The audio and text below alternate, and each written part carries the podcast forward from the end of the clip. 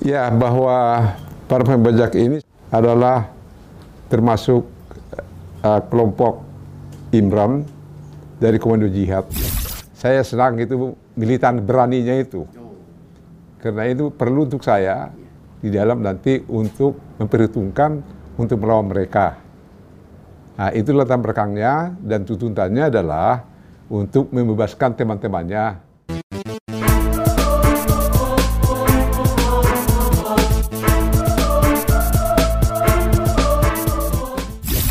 Pak Sintong, bisakah Pak Sintong ceritakan bahwa pesawat Garuda DC-9 Woyla itu yang dibajak berada di Bangkok, yang sudah barang tentu berada di luar negeri. Adakah kira-kira proses komunikasi antara pemerintah Indonesia dengan pemerintah Bangkok dalam rangka pembebasan sandera yang ada di pesawat itu? Bisa diceritakan? Jadi karena saya adalah sebagai pelaksana, iya. jadi saya dibawa Jenderal Beni Murdani. Ya. Tapi yang memimpin di sana adalah Jenderal Yoga Sugama ya. sebagai kepala Badan Intelijen Negara. Ya. Nah, jadi mengenai semua masalah-masalah yang berhubungan dengan uh, komunikasi dengan apa pemerintah Thailand dan komunikasi dengan pembajak adalah urusan mereka. Pak Sintong, pada saat Pak Sintong sudah berada di Bangkok, bisa Bapak ceritakan secara detail proses penyerbuan hingga selesai? Silakan Pak. Uh, pada saat kami sampai di Bangkok, uh, pos komando kami dan tempat tinggal kami di DC 10. Jadi DC 10 uh, di kiri kanannya ada dua DC 9. DC 9 itu yang dipakai oleh Pak Yoga Sugama. Sampai di sana kami diperintahkan untuk tinggal di pesawat. Jadi kami berada di pesawat, nggak ada yang keluar. Kecuali saya sering dipanggil. Kami juga dapat berita. Berita ada dua orang orang, orang Inggris saat itu. Dia dengan cepat keluar dari pintu dar, dari apa jendela darurat dia melarikan diri dua orang itu. Satu kena tembak, satu uh, ini satu lari. Mereka selamat. Uh, mereka mulai beringas dia sudah melarikan diri itu. Dengan saya dengar informasi itu, saya juga tambah gembira kalau orang itu. Saya gembira. Eh, ini lebih memudahkan nanti eh, tugas-tugas uh, saya. Saya olah itu ke taktik Begitu di apa di kelompok dua yang dari pintu darurat, saya beritahu sama mereka, nanti begitu kau masuk dari pintu darurat itu, jadi darurat itu, terus tembak siapa pun yang ada di situ, di depanmu itu. Pak, kalau ini nanti gimana? Kalau itu penumpang, ya udah nasibnya itulah begitu. Karena dunia saya, Kan sudah lari dari situ. Berarti kan itu kosong itu. Mereka kan jaga di situ. Karena pelariannya hanya itu aja. Kami latihan lagi kembali, sudah diapakan itu, sudah saya perintahkan itu. Begitu tak dia bukan nembaknya pakai door, door gitu. Nah, itu berarti udah masih satu. Nah, setelah itu ya kami nunggu sampai berapa hari itu baru udah nggak tidur itu dari tanggal 28 ya sampai tanggal 31 ya, sampai tanggal 31. Udah berhari gak, gak tidur. Hanya saya ingin juga melaksanakan latihan terakhir. Saya pikir bahwa saya kemudian latihan terakhir, di mana latihan terakhir itu harus sama dengan jam waktu dengan serbuan. Pesawatnya sama. Kita punya di sisi 9. Jadi kalau melihat apa? Melihat eh, keadaan cuaca gelap, jam 2 itu kira-kira sampai ke jam 8 itu. Jadi matahari itu udah apa sudah udah turun jam 2 itu eh, jam 2 itu turun, jam 8 itu baru naik lagi itu. Jadi posisinya ke bumi itu agak sama lah ininya kalau malam hari. Jadi waktu itu saya perintahkanlah semua jam 8 itu untuk kita latihan kembali, latihan terakhir, bikin yang bagus, siap kerjakan. Tapi ada satu yang timbul dalam pikiran saya. Kalau saya mengadakan operasi eh, latihan terakhir ini, ingin saya dilihat oleh ahli-ahli pesawat ini benar enggak atau tidak yang saya kerjakan itu. Saya kumpulkan semua ahli eh, apa pilot-pilotnya itu, termasuk kapten pilotnya di C10. Nah, setelah itu saya kumpulkan, begini Pak, saya bilang gitu. Bapak lihat aja dulu nanti. Kami latihan terakhir. Jadi sampai Sunarto, kenapa Pak Sintong ini apa ngajak orang-orang sipil ke situ latihan itu? Udahlah, kau nggak tahu itu begitu.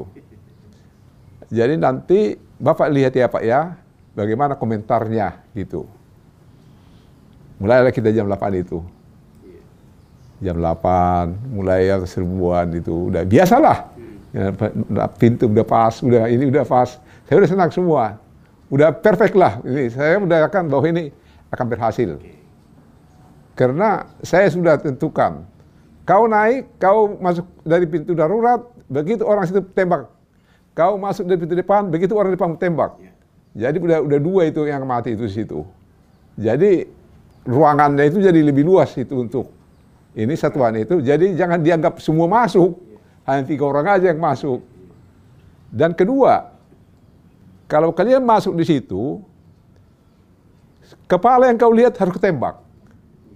Kepala siapa pun itu. Jadi, kenapa Pak Enarto? Kamu goblok kau gitu.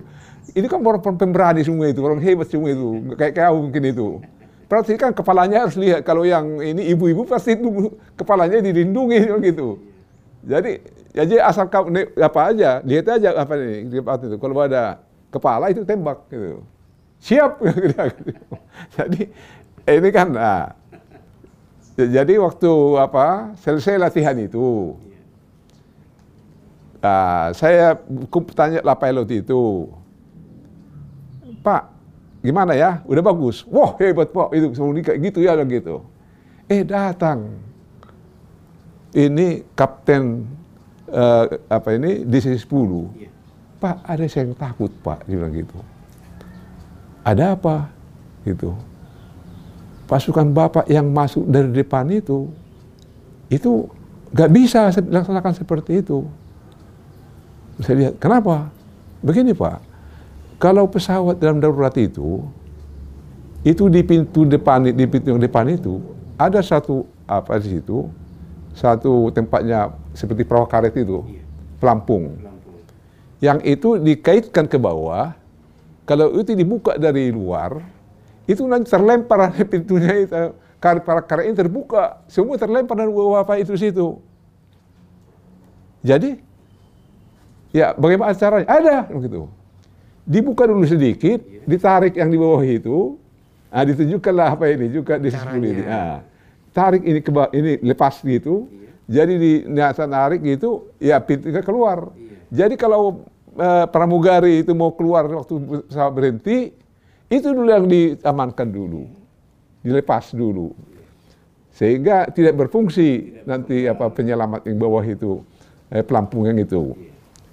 Oh iya pak, saya udah penggali sini panggil tim satu, biar yang lain aja udah selesai itu.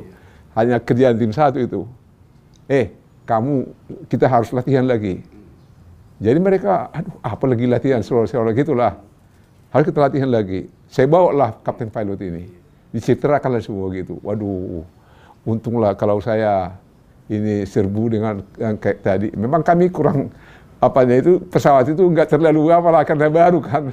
Naik pesawat pun itu baru satu kali dua kali orang waktu itu.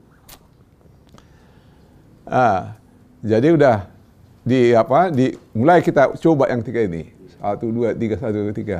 Gimana pak? Itu bagus pak. Itu udah bagus itu.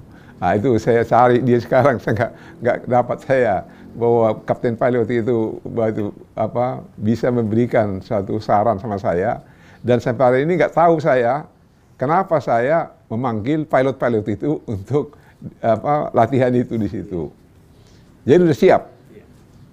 Jadi udah siap jam 8 yang lain itu sudah. Jadi saya berpikir lagi, ah anak buah saya ini udah lama nggak tidur ini, udah capek dia ini. Gimana caranya? Waktu saya mau apa? Mau mau ini mau istirahat gitu, terus saya timbul dalam pikiran saya, kutipu kau gitu mereka. Saya bertepuk, perhatian seperti itu. Kita tidak jadi tidak jadi lagi mengatakan serbuan. Loh kenapa Pak? Nggak bisa, karena serbuan itu diberikan kepada tentara Thailand. Sekarang tidurlah kau seenaknya. Nggak usah pakai pakaian dinas, pakai ketiduran seperti itu. Mau pakai sandalan kau silakan kayak gitu. Eh, dalam lima menit udah perang ngorok semua. Jadi benar saya sangat senang anak buah saya udah udah, udah tidur, udah bagus ini kembalilah ke kotamu nanti baru kamu saya libatkan kamu di situ. Sambil apa saya pikir-pikir saya kok nggak ada yang ngebuli, ngebuli saya. Kalau ada orang ngebuli saya ya pasti saya tidur gitu. Jadi peristiwa terakhir itu kita tentukanlah jam D itu saya tentukan jam 4. Jam 4 karena kita kan biasa tentara, itu serangan fajar. Serangan fajar itu 45 itu. Nah, nggak karena kebiasaan, jadi serangan fajar kita buat namanya itu. Jadi serupa serangan fajar. Datanglah Narto. Pak, dia bilang gitu. Saya sebagai muslim, dia bilang. Saya ngerti, Pak. Mereka itu sedang sholat itu kalau jam 4 itu. Jadi menembak orang sedang sholat itu, waduh gimana Pak, gitu. Terus dia bilang, oke okay, baguslah, kau benar. Kita turun ke jam 2. Jadi waktu masih nenyaknya tidur dia.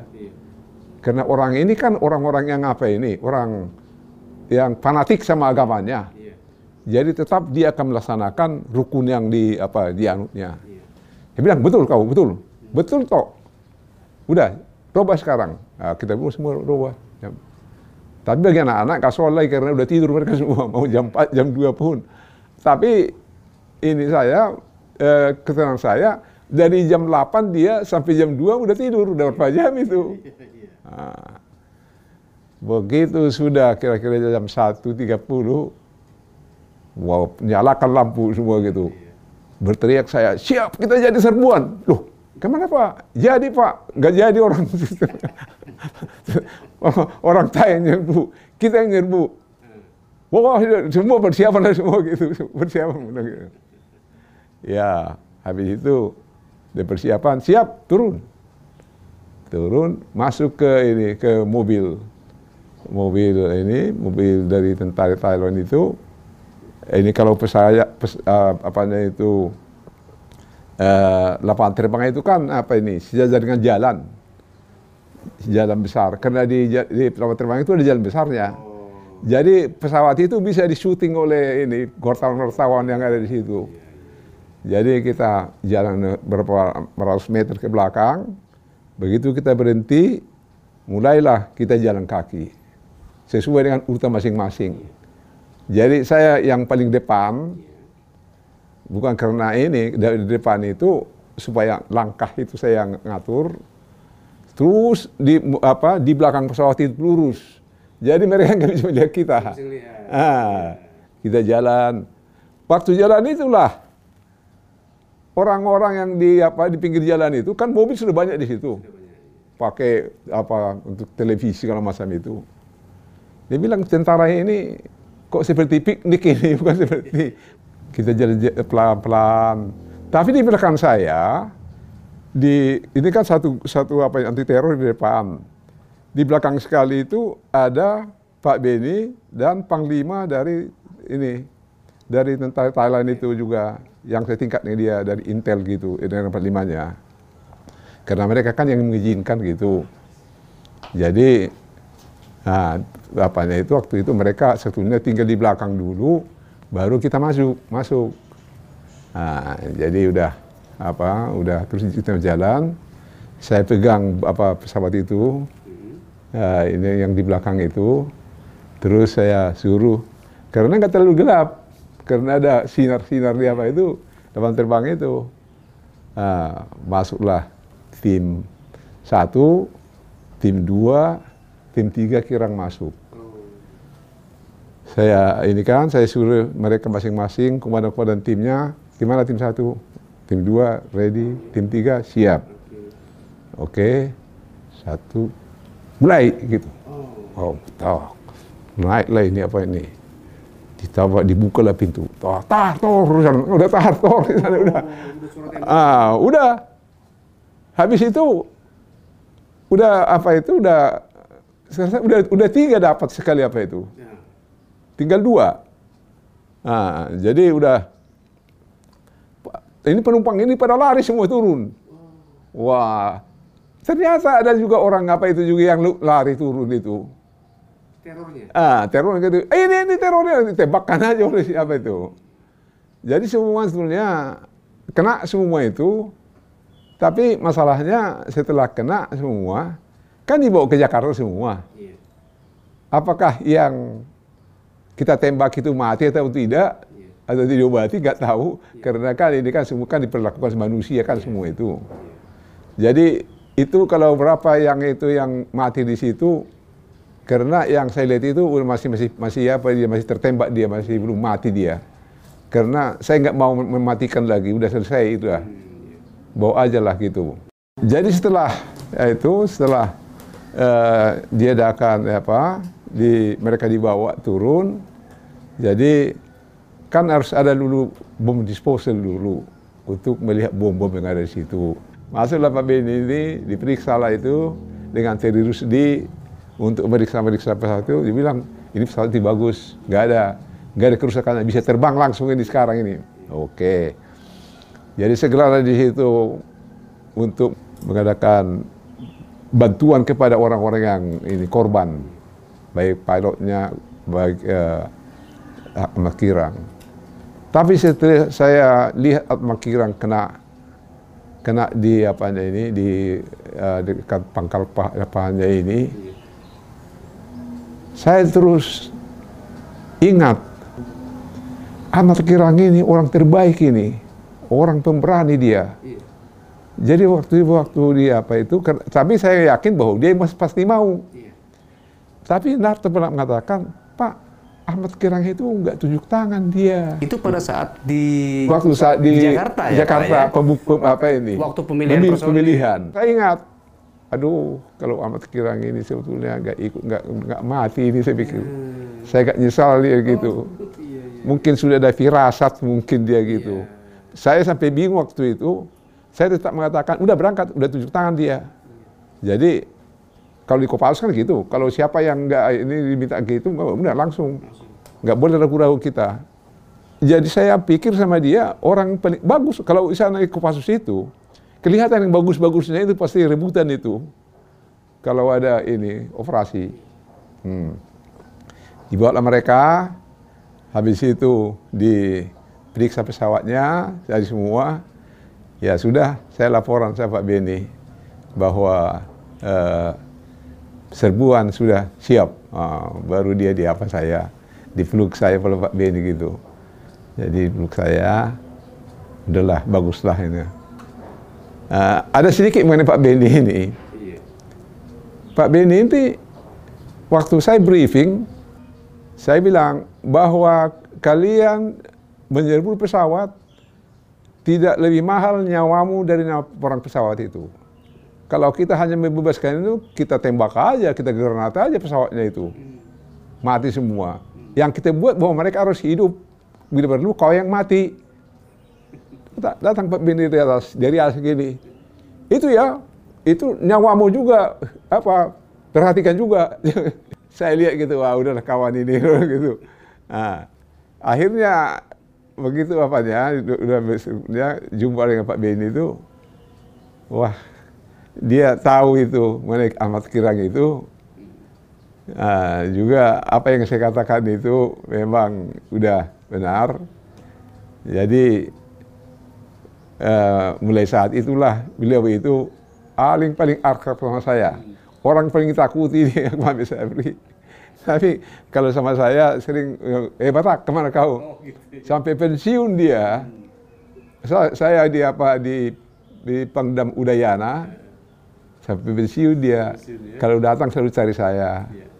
Jadi hanya sekali sama saya, inilah hadiah untukmu, dikasih saya jam dan dikasih saya keris. Terima kasih Pak. Itu. Pak Sintong, mungkin secara spesifik butuh waktu berapa menit ketika itu Pak sampai selesai? Sebetulnya kalau saya pikir itu bisa bisa dua menit bisa selesai itu. Karena hanya itu aja. Hanya tiga tempatnya apa apa ini. Yang yang mati nanti di belakang, lapang tiga satu satu udah kena. Jadi pada saat pertama itu sudah ya hanya mungkin kalau yang lari itu mungkin eh, pasti itu pengecut. Seperti saya katakan sama anak buah saya itu dulu, tembak ini kau lihat kepala, karena saya anggap itu pemberani-pemberani. Gak mungkin dia kepalanya di apa tunduk dia untuk melindungi dirinya.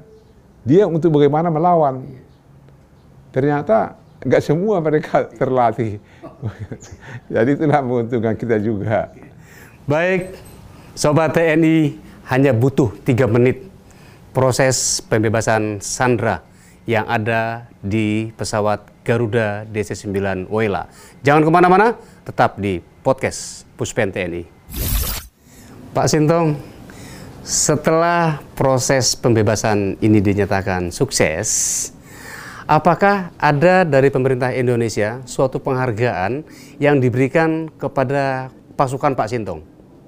Pertama saya eh, dipanggil, langsung diputuskan oleh Jenderal Yusuf sebagai pangap bahwa tim Kopassus harus diberikan bintang sakti Bintang Sakti. dengan kenaikan pangkat luar biasa.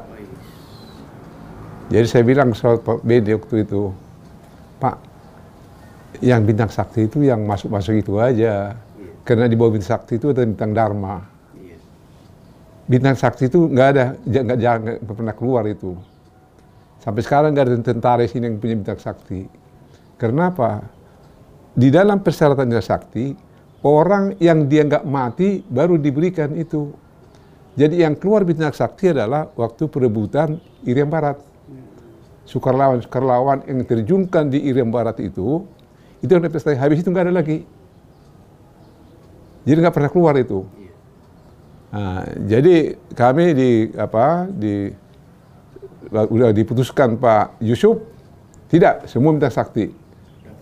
Nah, dan besok dilantik di depan uh, presiden. Nah, dapatlah kami minta sakti, dapat kenaikan pekat luar biasa. Tapi kalau saya aneh, anehnya saya, saya dapat pangkat luar biasa, hanya dapat satu hari. Satu hari saja. Karena tanggal 1 bulan 4, kenaikan pangkat semua tentara. Saya, jadi saya tanggal 31, udah kolonel saya. Ah, jadi itulah sebetulnya yang diberikan. Dan saya juga gembira juga karena memang di samping itu mereka-mereka yang saya bawa itu mereka mah pahlawan-pahlawan juga itu. Ada juga yang pernah dari Irian juga dia. Udah apanya itu udah pengalaman itu luar biasa mereka itu. Jadi mereka sudah tua-tua. Ah, penghargaan yang paling banyak dapat kami terima adalah apa ucapan selamat dari hampir seluruh atas pertahanan karena kami kan atas pertahanan. Tapi selamat kepada presiden, selamat kepada pangap. Jadi udah mendunia sebetulnya itu, udah mendunia. Jadi eh, ya mulai hari itu, mulai saat itu tidak dipandang sebelah mata lagi kita oleh satuan lain, baik pun oleh satuan Israel. Yang biasanya kita latihan tempat mereka di tempat-tempat seperti di di Inggris, di Australia, di di apa di Jerman segala macam itu. Sekarang mereka juga latihan di sini. Jadi selama ini kita latihan perang hutan di Inggris. Nah, itu saya bilang Pak Beni, kok kita latihan perang hutan di Inggris, padahal hutan kita paling lebat. Di Inggris latihan survivalnya itu makan ayam yang dilepas gitu. Di sini bikin makan ular, makan apa di sini. Udah terkenal di sini gitu. Sehingga sejajar kelihatan itu. Sampai sekarang ini. Ya minimal mereka tidak seperti dulu memandang sebelah mata itu sebetulnya yang paling apa yang paling baik. Jadi sampai sekarang ini juga TNI ini juga masih diakui. Pak Sintong, bagaimana harapan Bapak ke depan tentang pasukan anti teror? Silakan. Jadi mengenai pasukan anti teror ini